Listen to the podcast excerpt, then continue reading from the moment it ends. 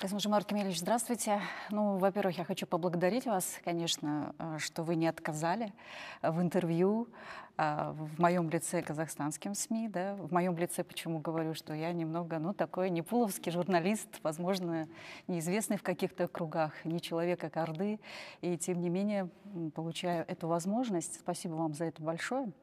А, потому что, я так понимаю, к вам прорваться, ну вот тяжело получить интервью у вас. Действительно, в эти дни ко мне поступает очень много обращений различных телевизионных компаний, каналов, будь то западные, российские. Но всем я отказываю, потому что принял решение пока не давать интервью. Но делаю единственное исключение для Хабар, в том числе и в вашем лице, хотя вы официально не входите в пул журналистов, которые работают с президентом. Тем не менее, вы человек известный, и поэтому, я думаю, мы хорошо сегодня должны поработать. Для всех сегодня это некий исторический все-таки момент, потому что это первое интервью а, для казахстанских СМИ после этих трагических событий, да, которые случились у нас в январе. А, последствия э, которых мы до сих пор осознаем, переживаем и рассуждаем, думаем, самое главное, переживаем, а как и что будет дальше. Я в те дни находилась в Алматы, в своем любимом городе так получилось, вот такой у меня отпуск вышел. Я была там и, конечно, не понаслышке. Это все видела, слышала. Это страшно, когда за окном вот стреляют, и мы начинаем различать, граната это или калашников, но это было уже как-то неправильно. И, конечно, всем хотелось, чтобы это только закончилось. Сейчас, когда вот этот критический момент пройден, естественно, все люди задают вопрос. А, и этот вопрос, а, ответы на этот вопрос, да, обрастают некими конспирологическими такими схемами, да, все рассуждают, а что это, собственно говоря, было. А, это просто митинги мирные, которые в какой-то момент потеряли контроль. Это либо это какой-то, вот знаете, спланированный заговор, государственный переворот. Все же я думаю, что это была спланированная акция, причем все этапы беспорядков, начиная с мирных протестов, они действительно были, и заканчивая убийствами, мародерством. Это была а, целостная операция, задуманная профессионалами и исполненная ими же – что касается мирных демонстраций, то, естественно, они состоялись, э, какого-либо применения силы в отношении демонстрантов не было и не могло быть. Затем им на смену пришли молодые люди, которые просто хулиганили, кидались на полицейские щиты и прочее, прочее. Затем пришла третья волна. Это уже мародеры, причем их было очень много. Это убийцы, насильники – но самое главное, ими руководили профессиональные боевики, которые прошли специальную подготовку, хорошо ориентировались на местности. И они также знали место расположения зданий силовых органов. И они атаковали эти здания, во всяком случае, руководили атаками на эти здания. Этих людей, естественно, материальные ценности не интересовали. Они руководили атаками на административные здания – их интересовали уголовные дела, досье на сотрудников правоохранительных органов. Это была тщательно спланированная операция, по своей сути террористическая, с привлечением боевиков из-за рубежа. Вы, наверное, обратили внимание, что боевики организовали захват аэропорта в Алмате. Сейчас следствие показывает, что аэропорт был захвачен для того, чтобы обеспечить проход через него граждан, прилетевших из одного центральноазиатского города. Это были подготовленные боевики, командиры. Они, естественно, прилетели под видом гастарбайтеров. Их провели через пограничные стойки, запустили в город и приступили к руководству операции. Затем, после того, как правоохранительные органы перехватили инициативу, дали отпор – они были эвакуированы, опять же, через Алматинский аэропорт, после чего аэропорт был сдан законным властям. То есть это была, я повторяюсь, тщательно спланированная операция. Ее целью была ликвидация государственных институтов, подрыв конституционного строя и в конечном счете, как мы полагаем, но следствие, естественно, еще продолжается, захват власти. Теперь, забегая вперед, я думаю, вы хотите задать и такой вопрос, а почему это стало возможным. Мы сейчас, как я уже выразился, ведем разбор полета. Выяснилось, к сожалению, отсутствие единого, четкого алгоритма действий правоохранительных органов в подобного рода ситуациях. Я сам, как глава государства, участвовал в некоторых учениях, командно-штабных, военных учениях и прочее, прочее. Эти учения никакого отношения к реальной ситуации, в частности той, которая случилась в Алмате, не имеют никакого отношения. Алгоритма действий не было. Мы же исходим из того, что оружие не должно применяться в отношении демонстрантов. Полицейские не имеют оружия при себе. Они были вооружены шумовыми гранатами, слезоточивым газом, и в их распоряжении были водометные машины. Что касается этих машин, они не были использованы, потому что тут же были захвачены бандитами. Они знали, что у полицейских есть четкая инструкция не применять оружие в отношении так называемых демонстрантов. Это тоже говорит о том, что операция была подготовлена надлежащим образом с их стороны. Сильно пострадали молодые ребята-десантники, которые тоже не имели при себе оружия и были вооружены лопатками и дубинками. Они их раздели и использовали в качестве живого щита при атаке на резиденцию президента. Это раз. Во-вторых, использовали женщин. Вообще сейчас следствие показывает, что бандиты, которые непосредственно участвовали в боевых действиях, находились под воздействием наркотиков. То есть у них пропало чувство боли. Если уже на заключительном этапе силовые органы стали применять оружие, стреляли, во всяком случае, по ногам, то они падали, но не чувствовали той боли, которую обычно чувствуют раненые. То есть, опять же, это говорит о тщательности спланированной операции. Кроме того, интересный факт.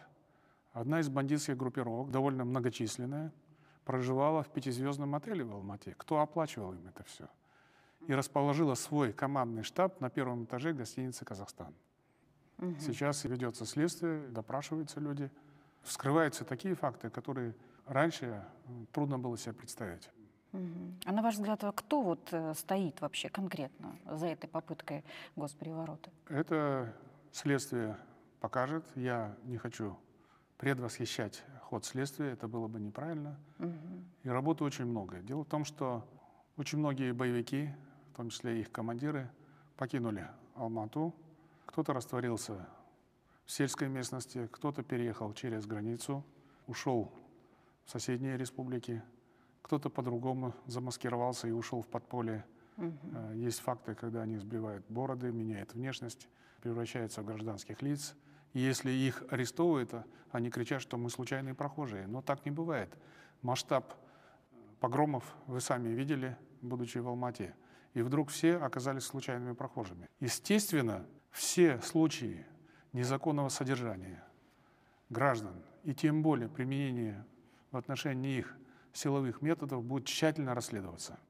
Э, то есть нужно очень серьезно разбираться с этим. Ну да, вот это вот очень серьезно разбираться, это правильно, но вот сейчас очень много критики, да, по поводу того, что уже сейчас происходит насчет правоохранительных органов, да, вы как Я бы знаю. реагируете, да, мы в Твиттере, поручения даете Генпрокуратуре, мы это все видим, слышим, но тем не менее соцсети взрываются этими постами о том, что там ну, каких-то мирных людей избивают, пытают, э, каких-то таких страшных Есть большая доля преувеличения подобного рода заявлениях. Вообще истерии вокруг событий в Алмате, естественно, много. Люди обеспокоены, можно понять. Поэтому я дал поручение Генеральной прокуратуре по каждому случаю проводить расследование. Кроме того, вот из средств массовой информации я узнал, что создана общественная комиссия во главе с известным правозащитником, адвокатом Айманом Маровой. Я приветствую это решение. Действительно, нам нужно привлечь независимую общественность с тем, чтобы она объективно разобралась в том, что сейчас происходит, и то, что происходило в те трагические дни. Я знаю, что омбудсман по правам человека Азимова и известная правозащитница Жема Турмамбетова посещают СИЗО, встречаются с задержанными, выясняют условия их содержания, выслуживают жалобы и так далее. Я считаю, что это очень полезная работа. Я сам, как глава государства, заинтересован в том, чтобы права граждан не нарушались. И каждый случай, я повторяюсь, должен быть расследован. на данный момент, хорошо, сейчас подключаются общественники, возможно, ну, у нас же как говорят, одно дело говорить, другое дело реалии, и э, эти реалии, ну, вот, на ваш взгляд, правоохранительные органы, вот некий Карбан Шамдан, да, не перегибают палку все равно, то есть э, вот в этих обстоятельствах, да, в которых, вот им сейчас сказали, все, расследовать, наказывать, чтобы ну, впредь знаете, не было. нам нужно как бы пройти между Сциллой и Харибдой в этом вопросе. То есть, в конце концов, мы должны найти тех людей, которые реально участвовали в бандитских акциях против мирных граждан э, и жителей Алматы. Это первое. С другой стороны, права граждан не должны нарушаться. Я же говорю, участвовали тысячи бандитов в этих акциях, и вдруг все превратились в случайных прохожих.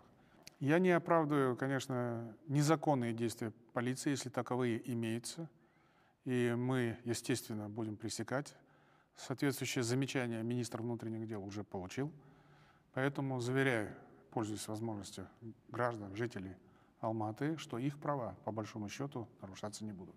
Угу. Ну, много вопросов насчет этой цифры, говорят люди. 20 тысяч. Откуда они, куда они высадились? Не может такого быть. Ну, во-первых, бандитская акция в Алмате, она продолжалась ведь не один час. В конце концов, бой Несколько за здание дней. департамента полиции продолжался две ночи. Да. Две ночи полицейские отбивались от бандитов. Взяли численностью полицию и военнослужащих. Это говорит о том, что бандитов было очень много. В-третьих, шли с трех направлений на Алмату. Там, где были расставлены блокпосты полицейских, они были просто смяты бандитами. Поэтому они должны были произвести передислокацию, перегруппировку, собраться на площади, опять же, не будучи вооруженными. Вопрос в этом. И говорить о том, что бандитов было мало, смеяться по этому поводу, я считаю, что это просто неумно. На самом деле они шли как бы волнами. Я же говорю, ими командовали. Одна волна пошла, пограбили, ушла, вторая волна пришла и так далее. Ваш э, приказ стрелять на поражение, да, не самое популярное решение тогда, стрелять на поражение без предупреждения, э, вызвал волну возмущения да, среди демократической общественности, э, особенно в США, в Европе сейчас. И ну, тем не менее, что стояло за этим вот таким жестким а, решением? И, ну, наверное же, что-то вот это вот на амбразуру-то кинуться, наверное, дорогого стоило. Я же сказал о том, что отсутствовал единый алгоритм, план действий руководителей правоохранительных органов в данной ситуации. Угу. Была неразбериха, я должен откровенно признать. Люди, я имею в виду руководители правоохранительных органов, опасались брать на себя ответственность полная безинициативность. Я им сказал, слушайте, если бы маршал Рокоссовский или маршал Жуков каждый день спрашивали бы разрешение у Сталина на те или иные действия, они бы войну выиграли ли? То есть это была настоящая война, нужно было брать на себя ответственность. Наши законы таковы. После жанозенских событий были приняты законы, которые сковывали правоохранительные органы в плане применения оружия именно в таких ситуациях, когда она выходит из-под контроля. Угу. Поэтому еще до публичного заявления я сказал, что по бандитам, вооруженным бандитам, мы должны открывать огонь. Я взял ответственность на себя. А уже в своем заявлении я как бы это дело повторил публично, потому что люди опасались. Да, хорошо, президент сегодня нам говорит в кабинете или по телефону, а где это на бумаге, где это публично, потом нам отвечать. Я считаю, что президент, глава государства именно таких ситуациях должен брать ответственность на себя. Я же дипломат, профессиональный дипломат. Я знал последствия. Я знал, что будет именно такая реакция. Но интересы государства, интересы безопасности наших граждан для меня превыше всего. Я в это время меньше всего думал о реакции на Западе.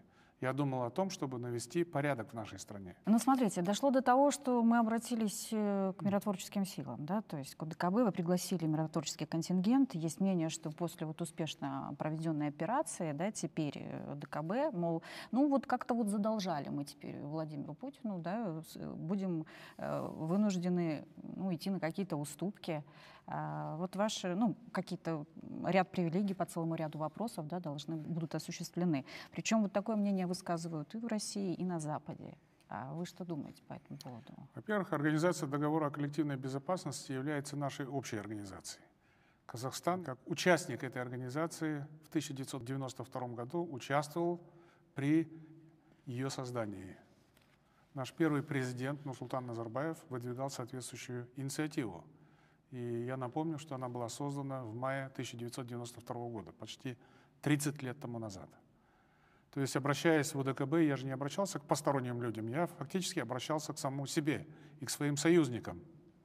Это первое. Во-вторых, привлечение миротворческого контингента ОДКБ было исполнено в соответствии с договорными документами этой организации. Она была совершенно законным.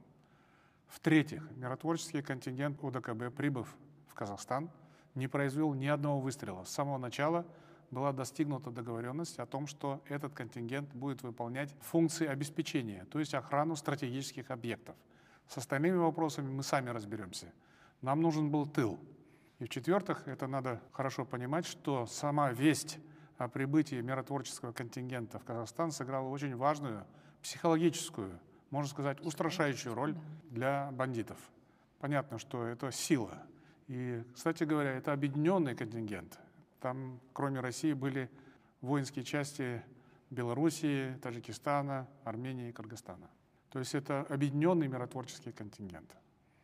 Что касается слухов о том, что мы, дескать, задолжали и так далее, я ответственно говорю, что никаких разговоров с Владимиром Владимировичем Путиным, а их было немало, и они были продолжительные, относительно того, что мы, дескать, потом рассчитаемся, естественно, не было. И никаких предварительных условий со стороны Кремля тоже не было. В конце концов, Россия для Казахстана – это союзное государство. В 2013 году был подписан соответствующий договор в Екатеринбурге. Я, кстати, в это время находился в Женеве, я не участвовал в подготовке этого договора. И там говорится о союзнических отношениях между Казахстаном и Россией. И отношения между нашими странами были всегда тесными, конструктивными, поистине партнерскими еще до этих событий в Алмате. И они будут иметь продолжение. Я, скорее всего, где-то в середине февраля по приглашению президента России буду находиться с визитом в Москве, и мы подпишем очень важные соглашения, которые связаны с долгосрочным сотрудничеством между нашими странами. И не надо, как говорится, переворачивать с ног на голову. Дескать, он отдал приказ стрелять по мирным демонстрантам. В это время уже мирных демонстрантов не было на площадях. Там буйствовали, разбойничали. Ну, это страшно, конечно. Да, да. Была проявлена со стороны бандитов особая Какая жестокость. жестокость да. Кроме того, говоря об отсутствии алгоритма, смотрите, когда вводится режим ЧП, чрезвычайного положения, головной организацией является Министерство внутренних дел. Когда же режим чрезвычайного положения перетекает в антитеррористическую операцию, главной организацией должен стать Комитет национальной безопасности. И вот этот переход, он уже очень трудно его осуществить. То есть пока не передают дела, совещаются друг с другом. Я говорю, слушайте, товарищи, война идет, а вы совещаетесь. Я приказываю вам взять всю ответственность за подавление мятежа на свои подразделения, а я буду вам командовать уже теперь не только как верховный главнокомандующий, но и как представитель Совета Безопасности. Угу. Вот это, Константин Кенич, угу. вот это от, отключение интернета, понятно, да, что это было сделано тоже в целях безопасности, да, мы это все понимаем, но тем не менее такой вот э, палка о двух концах оказалась, потому что тоже отношение теперь да, общественности мировой к этому. Был вакуум информации, и люди интерпретировали ну, свои какие-то там хотелки, грубо говоря, да, они вот подавали за реалии. Потому что не было объективной информации, не было интернета, был вакуум, и мы создали сами вот такие условия, в которые вот сейчас разгребаем. Получается, сейчас всем объясняем, что на самом деле, да, не стрелял тут никто мирных людей и так далее. Информационно мы проиграли. Это надо признать. Никто толком не объяснил мой приказ, так же, как и мои действия. Уже потом я в режиме ручного управления давал поручение выступить там, сказать здесь и так далее. То есть информационно, я с вами согласен, мы проиграли. Но не до этого было. Знаете, мы все умные задним числом. А в то время разве можно было думать о том, кто о нас что скажет? Интернет. В таких случаях интернет отключается не только в Казахстане, но и в целом ряде стран, потому что его используют недобросовестные люди в своих целях. Надо отметить, что среди них, среди командиров бандитских формирований, были люди информационно очень хорошо, специально подготовлены. То есть э, дезинформационная кампания, так называемые фейки, лились рекой просто. Угу. Это говорит опять же в пользу того, что эта вылазка против Казахстана была тщательно подготовлена. Если закрыть эту тему, да, насчет э, первого президента все-таки. Что-то мы как-то вот молчим, молчим долго. Я сейчас говорю о казахстанских СМИ, да. Ну вот это вот молчать, что, ну вроде у нас есть первый президент, лидер нации. Когда это все случилось, э, нет человека, и сейчас мы как-то вот не называем его имя, как-то вот ничего об этом не рассказываем. Рассказывают нам об этом наши соседи, какие-то СМИ, а мы вот как-то здесь. Такой вопрос. Имеется ли сговор? Или некие договоренности между вами и первым президентом. И вот этот момент, когда его не было, да, вот несколько дней до того, как он появился на телевидении, есть мнение, что э, между вами происходил ну, некий такой, скажем, торг по целому ряду вопросов да, насчет привилегий, а, его личной неприкосновенности и каких-то преференций для его семьи. Нет, никакого торга, естественно, не было. Разговоров личных привилегиях тоже не было. Единственный был разговор о том, что нужно срочно решить вопрос о статусе председателя Совета Безопасности. И когда ситуация обострилась, я скрывать не буду, я поставил вопрос о том, что сейчас я обращусь к нации и должен заявить, что с этого момента я являюсь председателем Совета Безопасности. Этот вопрос был решен буквально на ходу. 28 а января состоялся съезд партии Нуротан. Я там выступил и дал оценку исторической роли Нурсултана Абишевича Назарбаева. Я полагаю, что эта оценка объективная и надеюсь, что именно на эту оценку, на эту характеристику люди будут ориентироваться в будущем. Ваше мнение вообще насчет вот э, людей, так с, вот когда эти митинги только начинались? Очень много популярных людей, известных, они, ну, как бы призывали, да, выходить на улицы. Э, ничего в этом плохого, может быть, нет, да, потому что тогда мы не знали, что это, да, то есть, может быть, риторика была у этих людей какая-то иная. Тем не менее, ваше мнение вообще насчет нашей интеллигенции сейчас, популярных людей, которые вот Э, высказываются э, на все случаи жизни. Ну, демократия, свобода слова, понятно, но все-таки хотелось бы услышать. Ну, действительно, роль интеллигенции, особенно в критические моменты истории, особая. Что касается той трагедии, которую мы пережили, естественно, я понимаю, интеллигенция, медийные персоны, видимо, находились в состоянии шока, поскольку произошла очень быстрая смена декорации. Вместо мирных демонстрантов пришли вначале хулиганы, а потом профессиональные бандиты. И вот эту смену декорации некоторые не уловили.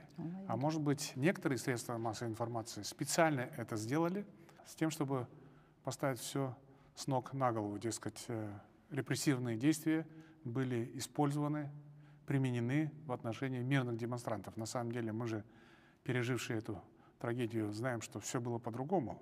Возможно, организаторы атаки на Казахстан специально предусмотрели и этот сценарий, то есть быстрая смена декораций, и люди не понимают. Когда в город входили бандиты, жители Алматы, не разобравшись с балконов, их приветствовали. Были и такие моменты, что вот молодцы, вышли на улицы, протестуют против власти и так далее. Ведь они не знали, что будет потом что эти бандиты растерзают всю Алмату.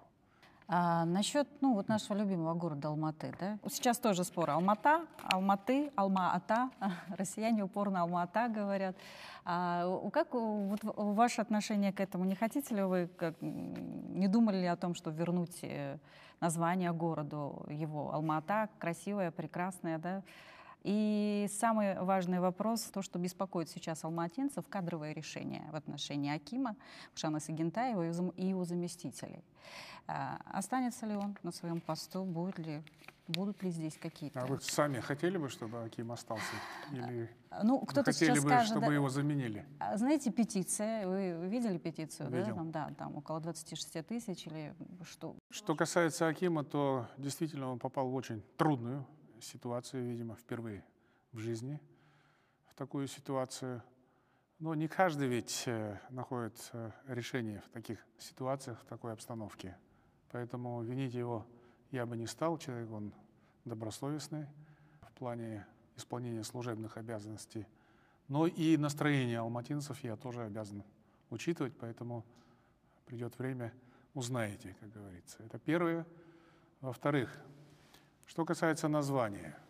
Ну, зачем мы будем сейчас переделывать все документы, принимать решения и так далее? Алматы э, больше подходит э, для людей казахскоязычных. Что касается русскоязычных, Алма-Ата как-то сподручнее произносить. Поэтому давайте договоримся о том, что официально название Алматы останется, а сам город будет называться так, как удобно его жителям и тем, кто со стороны очень тепло относится к нашему городу. Оставим все как есть, потому что да. всегда были и будут споры. Это такой да. город. Ну, в конце концов, китайцы свою столицу называют Бейджин, а мы называем Пекином. Угу. Как-то исторически так получилось. И ничего, и, и проблему из этого никто не делает. Да. Главное не делать из этого проблемы, да. Mm. То есть сейчас модно у нас из да. всего. Из у нас и без этого хватает. да. К вашим, э, риторика ваших выступлений сейчас, да, обращений к стране, все заметили, как она изменилась, и это радует, это тоже говорит о больших переменах и надеждах, что они у нас все-таки случатся. Вот последнее э, ваше выступление, встреча с предпринимателями, бизнесменами, вы сказали о том, что молодежки должны больше получать каких-то технических специальностей. И эти специальности в приоритете, ну, преимущественно лучше получать в России. Получили шквал критики тоже, да, кто-то говорит, ну, почему только Россия, нужно на Западе.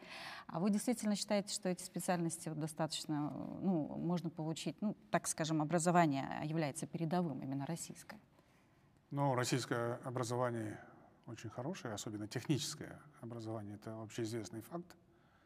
Там в Москве, например, есть такие вузы, как МФТИ, МИФИ, Бауманское училище, Новосибирский университет, в конце концов, Томский университет и так далее. Конечно же, нет никакой обязательности. Я просто высказал предположение, что лучше все же направлять на учебу в России, потому что здесь присутствует и языковый момент, то есть нет языкового барьера. Это первое.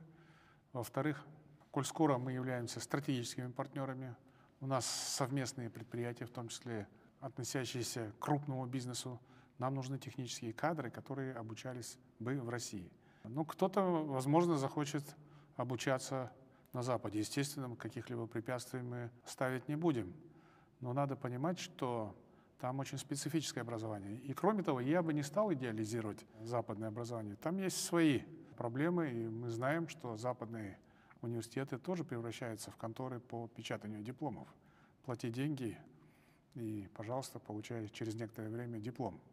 Чем наши некоторые молодые люди злоупотребляют, говорят, я окончил и называют какое-то очень известное учебное заведение на Западе. На самом деле, если вникнуть, он там учился не больше года – Mm, да, мы помним ваш Гегель Бабель, да, мы это помним. Конечно, рванул Google в этом плане, да, по поисковике, все начали разбираться в этих. Вы побольше вот так вот, знаете, транслируете каких-нибудь у нас писателей, поэтов, глядишь, вот так вот общество, и мы самообразовываться начнем благодаря через вас. На самом деле я как бы сократил Гегель Бабель. На самом деле Э, ведь эта присказка звучит по-другому. Гегель, Бебель, да, Бебель, Бабель долин. и так далее. У нас люди, возможно, не очень образованные, но как-то им повезло в бизнесе. Это навевает на некоторые размышления, почему это произошло.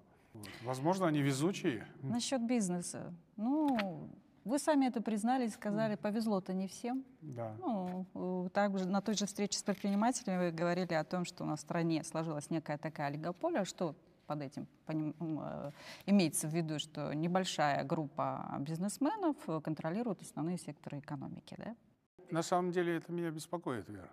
Потому что что такое олигополия? Это классическое понимание того, что небольшая группа людей действительно полностью контролирует основные сектора экономики, что у нас произошло, к сожалению. И кроме того, они оказывают серьезное, сильное влияние на принятие государственных решений, то есть очень близки к высшему руководству. У нас это тоже имеется? Конечно. В полном ну, объеме. Мы это признали. А что будем делать? Работа очень большая. Начинать надо, во-первых, с увеличения численности малых и средних предпринимателей. Но другого выхода нет. Создавать условия, в том числе обеспечивать их доступ к кредитным ресурсам. Экономика у нас не такая уж большая. Сейчас, конечно, не время рассуждать о плюсах и минусах евразийской интеграции. Нужно признать, что мы существуем, мы живем в реалиях евразийской интеграции. Поэтому нужно адаптироваться к ней и находить плюсы, находить достоинства с точки зрения интересов нашего государства. Это очень большая, я бы сказал бы, тонкая работа для нашего правительства. Поэтому я уделяю самое пристальное внимание именно этому направлению деятельности нашего правительства, и соответствующий министр получил статус заместителя премьер-министра. Именно почему? Потому что он должен вести переговоры на равных, в том числе и в Москве, в рамках Евразийской экономической комиссии. Насчет э, того, что вы в парламенте вот выступали, сказали, что в сентябре представите некий пакет да, политических экономических реформ. А если можно, может быть, сейчас уже приоткрыть завесу, понять, э, а что э, это будет, какие реформы. Понятно, что это будет долго. Понятно, что мы все понимаем, что это будет больно возможно, да, не без боли происходят все реформы, но хочется понять, что будет э, изменено, потому что вот сейчас по тем кадровым перестановкам, которые случились, ну вот как бы люди говорят, ну, по-моему, знаете, все-таки останется. Э, то же самое, только сбоку, извините. Хочется понять, э, возможно ли вот так вот взять, избавиться, как говорится, почистить ряды, да, и потом все сломать, а потом новое построить? Я против того, чтобы косить кадры. Нужно все же кадры оценивать по их квалификацией и рабочим качеством. А так вот на потребу публики менять полностью на 100% правительство и говорить, вот я пришел, я революционер, это не мой метод. Это с одной стороны. С другой стороны, надо признать, что скамейка не очень длинная. Знаете, как в старом анекдоте, а может быть это было правдой, когда Берия пришел к Сталину и сказал, что-то надо делать с писателями. Фадеев пьет, Шолохов пьет, Вишневский пьет, Симонов пьет, Алексей Толстой тоже прикладывается к рюмке, на что Сталин ему сказал, а у меня других писателей нет. И здесь тоже нужно искать подходящих министров. Можно, конечно, буквально с улицы людей назначать. И такие моменты в истории бывали, и в мировой истории. Но это чревато дестабилизацией и разбалансированием всей ситуации, которая и так, прямо скажем, достаточно хрупка. Поэтому нужно подходить очень осторожно к кадрам. Это не значит, что их нужно консервировать. Естественно, в будущем будут изменения, но выверенные, продуманные. Мы в рамках Совета Безопасности будем заниматься реформой системы национальной безопасности, поскольку вот эти трагические события показали абсолютную актуальность этой проблемы. И нам буквально не затягивая эту проблему надо решать. Вот сколько э, отдано времени на данные реформы, чтобы что-то изменить? Реформы не сводятся к тому, чтобы менять людей. Реформы это прежде всего изменение системы или, во всяком случае, внесение серьезных коррективов в дееспособность самой системы, функционирование системы. Поэтому с этой точки зрения, отвечая на ваш вопрос, ну как бы предугадывая некоторые события в будущем, я могу сказать, что серьезно думаю над реформированием парламентской системы в нашей стране. Ну и, конечно же, партийной системы. Поскольку как глава государства, я об этом сказал 28 января на съезде партии, я считаю, что я должен стоять несколько выше всех общественно-партийных и политических структур, служить неким магнитом для того, чтобы привести различные общественно-политические силы к единому знаменателю с точки зрения их позиции – которые были бы продиктованы интересами нашего государства. Да, может быть, тогда и как-то сама по себе у нас здоровая позиция появится. А то ведь у нас, по-моему, тоже это просто слова. Ну, оппозиция у нас, естественно, имеется, но в большей степени она на улицах, я с вами согласен. Оппозиция имеется и в самой правящей партии. И сама партия, об этом уже сказал, должна реформироваться с учетом потребностей нашего общества. А вообще, в принципе, считаю, что в Мажлисе, во всяком случае, должно быть несколько сильных партий. В крайнем случае они должны приходить к консенсусу, если нет конституционного большинства.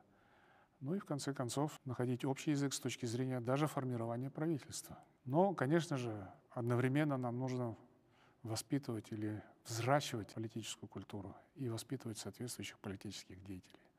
Потому что в таких ситуациях экстремистский по своей сути популизм, экзальтация общественности, она не, абсолютно ни к чему.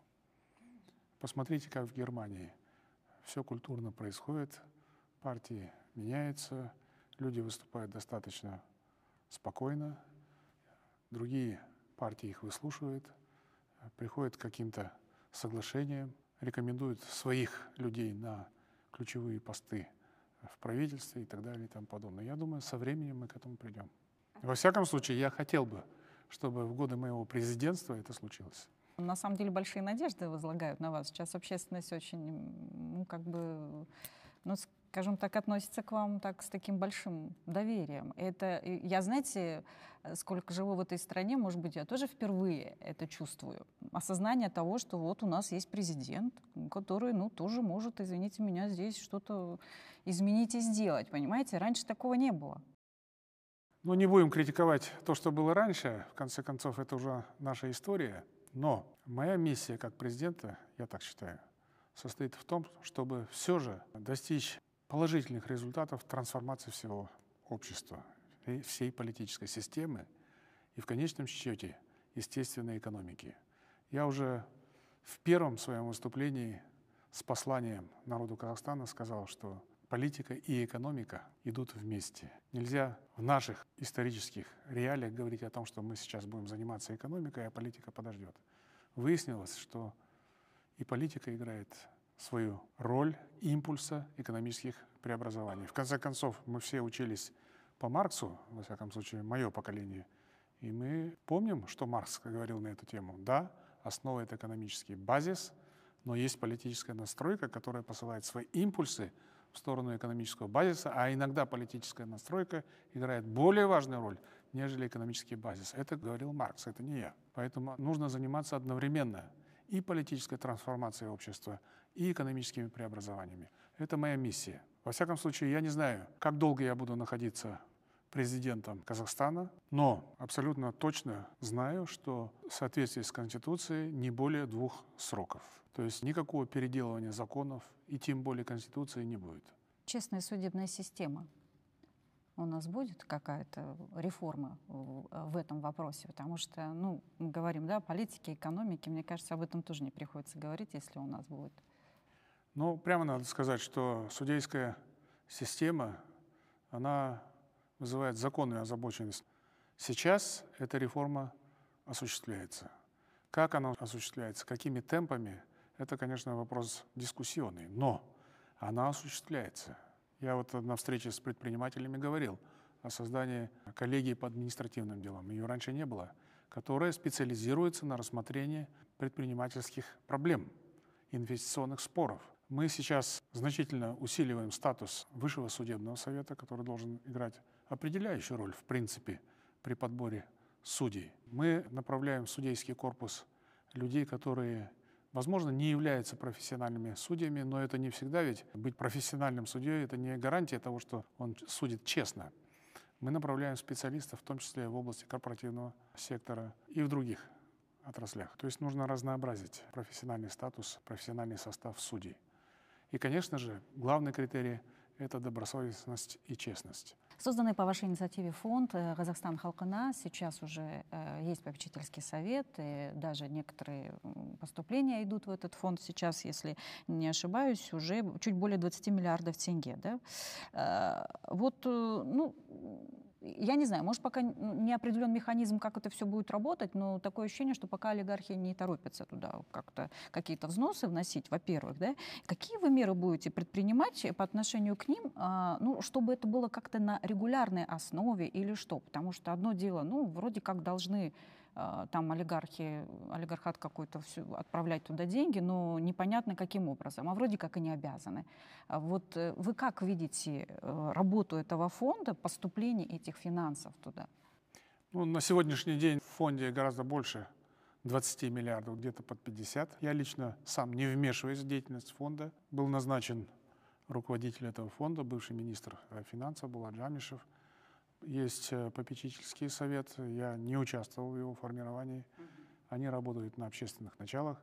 Мое дело простимулировать поступление взносов в этот фонд. И, по-моему, сигнал был очень четкий. Во-первых, это не налог, это благотворительность. Но всегда нужно ставить какие-то параметры. Насколько мне известно, правительство поставило 3% от налогооблагаемого дохода, причем это касается крупного, действительно крупного бизнеса. Фонд «Казахстан Халгана» будет помогать больным детям, э, развивать массовый детский спорт, в том числе в сельской местности, восстанавливать Алмату, поднимать культуру и так далее. Это вопрос попечительского совета. Да, чтобы было понятно, как это работает. И второй момент — цели. Э, вот вы обозначили их несколько, да, то есть это фонд, он э, помогает вот в разных сферах разных людям. У меня такой вопрос, вот как у журналиста просто возник. Дело в том, что я делаю очень много программ, а, диагноз, да, Знаю, я делаю, я да, смотрю эти программы. про детей как раз-таки, которые страдают тяжелыми, редкими, неизлечимыми болезнями. Вы знаете, сколько стоит их лечение, да? На одного ребенка там до миллиарда тенге может, ну это если один укол. Ну то есть это огромный бюджет.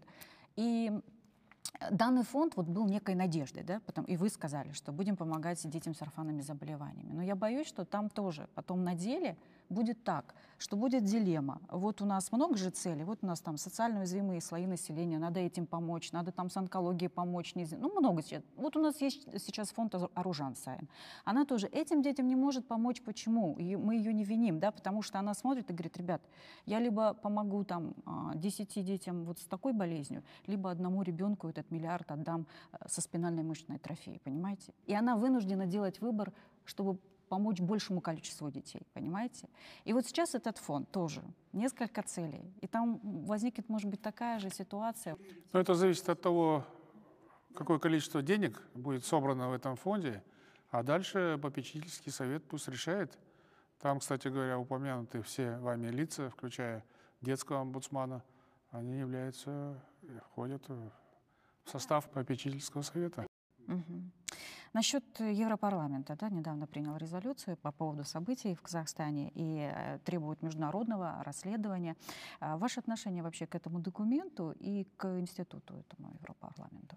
Мое отношение к Европейскому парламенту как к институту ну, достаточно рациональное, так скажем, поскольку сам институт существует. Если бы люди знали, во сколько он обходится государством-членом то, наверное, критическое отношение к этому институту было бы более сильным. Но, во всяком случае, я не хочу комментировать, потому что это дело Европейского Союза.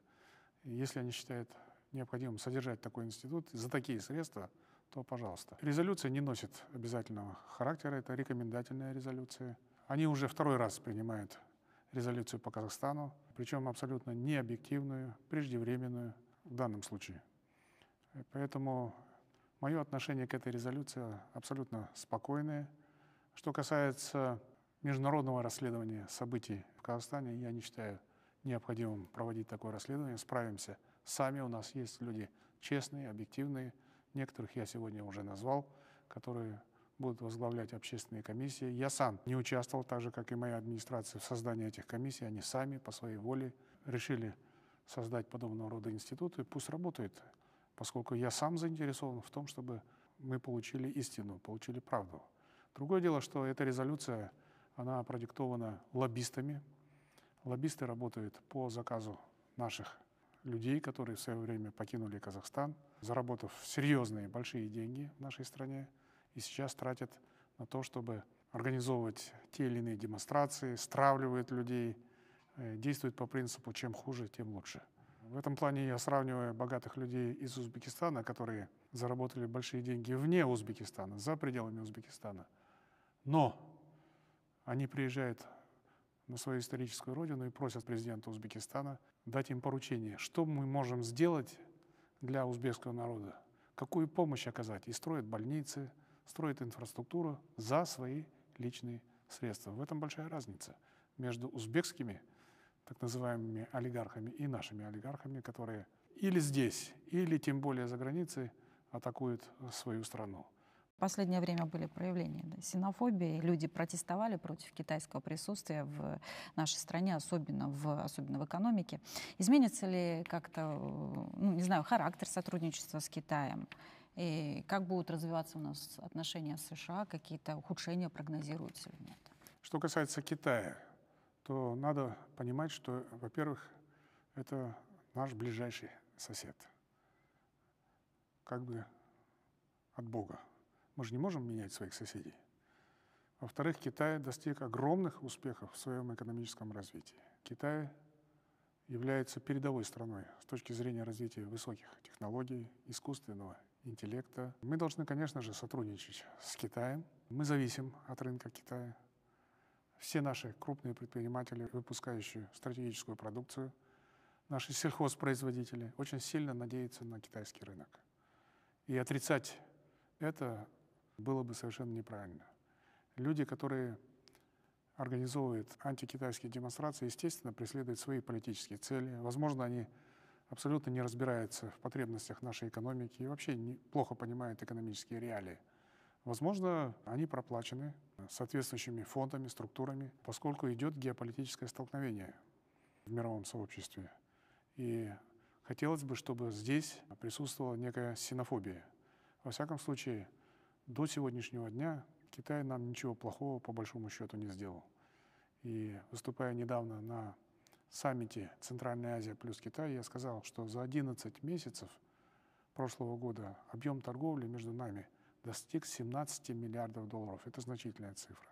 И мы заинтересованы в дальнейшем развитии торгово-экономического инвестиционного сотрудничества с Китаем. Мы должны изучать Китай, изучать китайский язык. Естественно, речь не идет о том, чтобы сдаваться с поднятыми руками. Нет. А мы должны понимать, что это большая, можно сказать, великая страна, с которой у Казахстана должны быть очень хорошие отношения. Что касается Соединенных Штатов Америки, то я прекрасно понимаю значение этого государства в современном мире. Мы всегда придерживались позиции развития сотрудничества в области энергетики, в области нераспространения ядерного оружия. И что касается Казахстана, то мы готовы к продолжению этого курса. Ну вот интересы государства, когда вы говорили, да, вы ставите действительно интересы государства выше ваших личных добрых взаимоотношений с кем бы то ни было. Ну, по-моему, последние события показали, что действительно интересы государства для меня превыше всего. И фраза, которую я произнес в отношении Платона, который мой друг, но истинно дороже, это не просто для того, чтобы потешить публику или это фигура речи. Нет.